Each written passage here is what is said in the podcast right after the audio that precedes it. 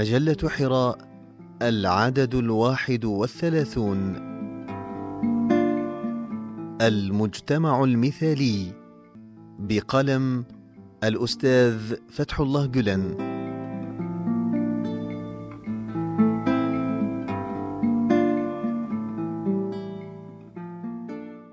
إن المجتمع المثالي هو الذي يتكون من أفراد مثاليين.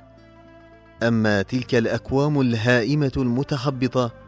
التي تتشكل أجزاؤها وجزيئاتها من المساوئ والآثام فهي حشود فارغة عقيمة موصدة أبوابها أمام كافة ألوان الخير والفضيلة والجمال. الإنسان المثالي أو الإنسان الكامل كما عبر عنه القدماء هو المتحلي بصفات ملائكية هو بطل البصيرة وفارس الإدراك. هو المتنبه إلى الحقيقة الكبرى التي عبرت عنها الآية الكريمة لقد خلقنا الإنسان في أحسن تقويم وآيات أخرى في المعنى نفسه. هو المدرك يقينا أن الباري عز وجل قد خلقه في أجمل الأشكال المادية وسواه في أروع الصور المعنوية فكان بديع الصنع متفرد الهيئة تصدق عليه حقيقة أحسن تقويم بكل ما يعنيه التعبير وهو كذلك العارف بكنه الآية الشريفة التي تقول انا عرضنا الأمانة على السماوات والأرض والجبال فأبين أن يحملنها وأشفقن منها وحملها الإنسان الخبير بمضامينها العميقة الواسعة. إنه يعلم أنه المرشح الوحيد بين جميع الكائنات المرئية منها والمعروفة للعروج إلى آفاق لا نهائية وهو واع وعيا تاما أنه مجهز بطاقات وقدرات مفتوحة إلى اللامحدود ومستوعب سبل استثمار المواهب الأولى التي منحها إياه الفاطر جل وعلا. أجل إنه إنسان ذلكم الوعي وتلكم البصيرة.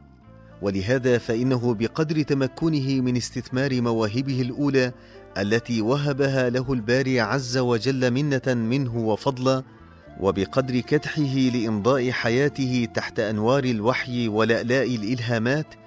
وجهده في توفية الإرادة حقها وبقدر براعته في تنمية تلك المواهب وتفتيقها مثل حبة أنبتت سبع سنابل ونجاحه في إطلاقها نحو الأبدي اللامتناهي بقدر تمكنه من ذلك كله يمكنه سلوك الصراط الهادي إلى ذروة الإنسان الكامل. الإنسان المثالي يموج عقله موج الدوامة بألف سؤال وسؤال ويواصل التنقيب عن الحقيقة بنهم عجيب ويغذ السير قدما لكي يفك شفرة ألف لغز ولغز فتراه متوقد الذهن متوثب البحث عن أجوبة للأسئلة الكونية الكبرى ما الحياة وما الموت وما حقيقة الكون وما علاقته بالإنسان وما معنى العبودية لله وماذا تعني الطاعة له وما الإثم وما الثواب وما حقيقة المحن التي تلم بالإنسان ولماذا تلم به في الوقت ذاته؟ تراه مشتعل الفؤاد. قد شيد من بوارق الحكمة التي لا تكف عن الوميض في سماء وجدانه ومن نسمات الإلهام التي لا تنقطع عن تجلياتها في أرجاء روحه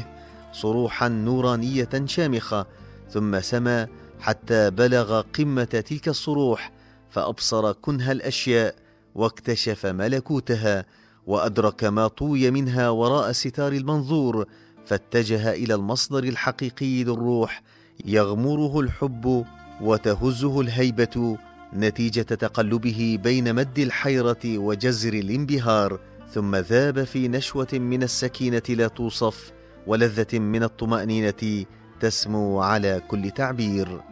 وإن روحا قد وصلت تلك القمة السامقة لا يستوي لديها الإحسان والحرمان فلا تفرح بالألطاف المتعاقبة ولا تزهو بها ولا تحزن بانقطاع العطايا ولا تيأس منها فالعطاء والحرمان في نظرها سيان إذ بينما يغتر بعضهم بالعطاء فيطغى أو يحرم منه فيتحسر يائسا ويشقى. تجد تلك الروح الواصلة قد عرفت كيف تستنبت الورود في قلب الفلاة وتستخرج السكر من جوف القصب وتحقق أرباحا متنامية حتى في مواسم الكساد والخسران.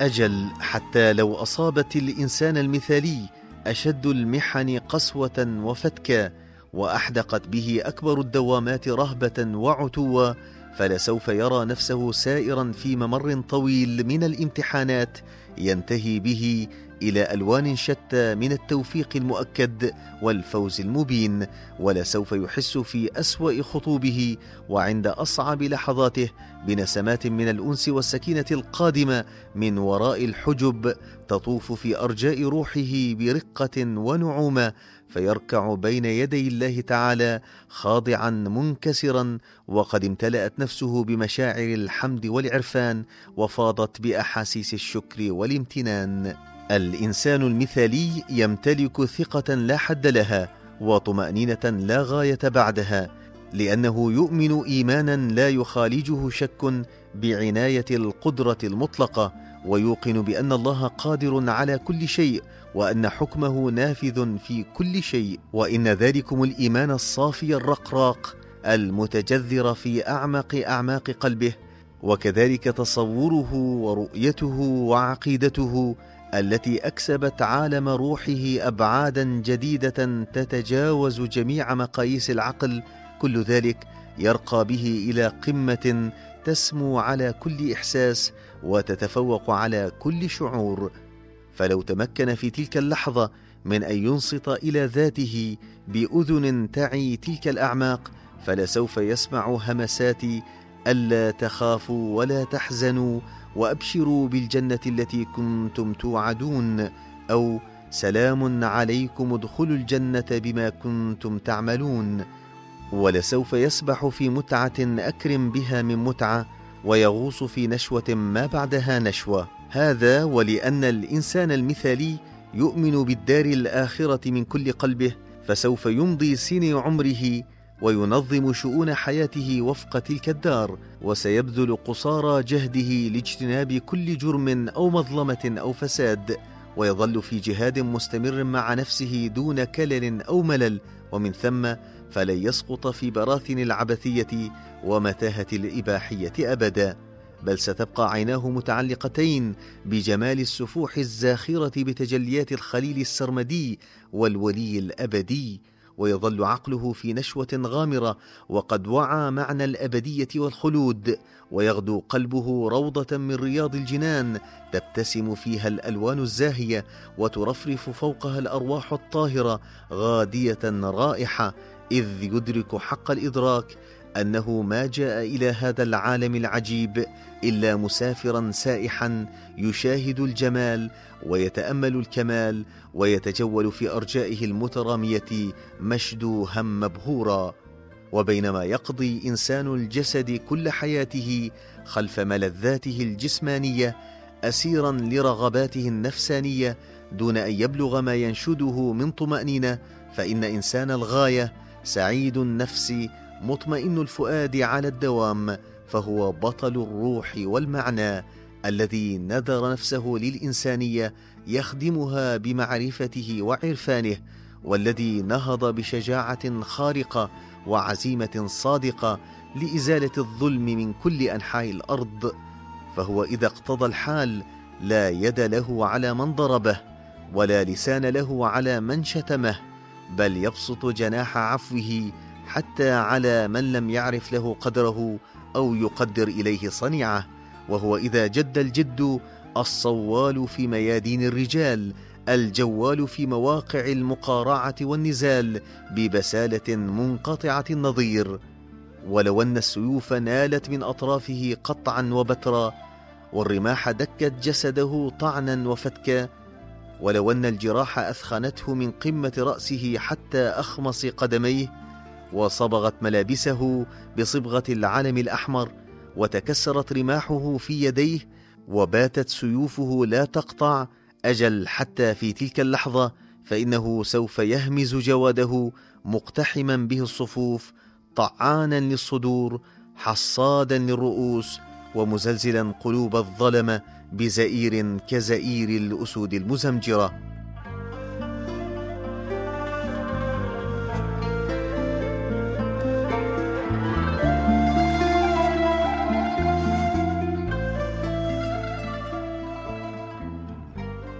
إن بطل الروح هذا يؤمن يقينا أن كل شيء ما خلا الله زائل لذلك لا ينحني أمام أحد ولا يركع إزاء أي شيء ولا يغره أي إغراء مادي بل يقيم كل ما يملكه ويسخر كل ما لديه لرفع كلمة الإسلام مشحونا بمشاعر رجال الآخرة وتصورات أبناء الخلود. فهو متواصل الغوص والتقليب في أعماق الحوادث والأشياء بحثا عن الحق والحقيقة. قد فرغ كل وقته ووظف كل طاقته لتحقيق سعادة الأمة موليا عناية خاصة بالمواقع التي يراها أشد حيوية وأكثر جدوى للأجيال القادمة موقفا نفسه عليها قائلا لتحيا الأجيال القادمة. ثم يمضي وقد أدى واجبه لا يلتفت إلى الوراء ولا يلوي على شيء. إنه يسعى ليل نهار ابتغاء مرضات الحق تعالى منقبا عن الصدق الخالص. فلا الرغبة في الاستمتاع المادي تثنيه عن وجهته ولا تألق الروح بالكرامات الخارقة تعكر صفاء نظرته. فهو يؤمن أن العبودية لله أعظم قيمة في الوجود. وفي ضوء هذا الميزان يرى أبسط العباد أعظم منه مرتبة وأسمى منزلة وبالتالي ينزلهم منزلة التاج من الرؤوس. وإذا ما لفحه هؤلاء بنيران من الغلظة والخشونة والإنكار وعدم التقبل فإنه يمتص لفح تلك النيران ويحتويها في صدره إلى أن يخمد أوارها. وهكذا يقدم مثلا أعلى في المنهج والسلوك ويعلم هؤلاء الذين لا علم لهم بالأصول ولا الأسلوب أدب درء السيئة بالحسنة. أجل في عالمه الدافئ الناعم الرقيق ترد الصواعق والبوارق على قلب نور فتولد من جديد وتنمو في قلب النور لتضيء العيون والقلوب بوهج النور. وفي عالمه المبتهج بالأنوار تتحول ألوان شتى من النيران النمرودية المتعاقبه إلى برد وسلام في كل حين لتنفح النفوس الخشنة المتمردة رقة وانسى يبدو أننا ولا سيما البعض منا لم نفلح في السمو إلى هذا المرتقى من الاستواء والنضج بعد ولأننا كذلك لا نحسن دفع السيئة بالحسنة فنواجه العنف بالعنف والحقد بالحقد والخشونة بالخشونة نفسها بل ونقع في خطأ كبير عندما نظن أهواءنا افكارا ونخلط بين عواطفنا الذاتية وكفاحنا الذي نكابده باسم الإسلام ولذلك نتكبد خسائر فادحة في أغلب الأحيان بعد أن كنا سائرين في مواطن الكسب ومواسم الربح.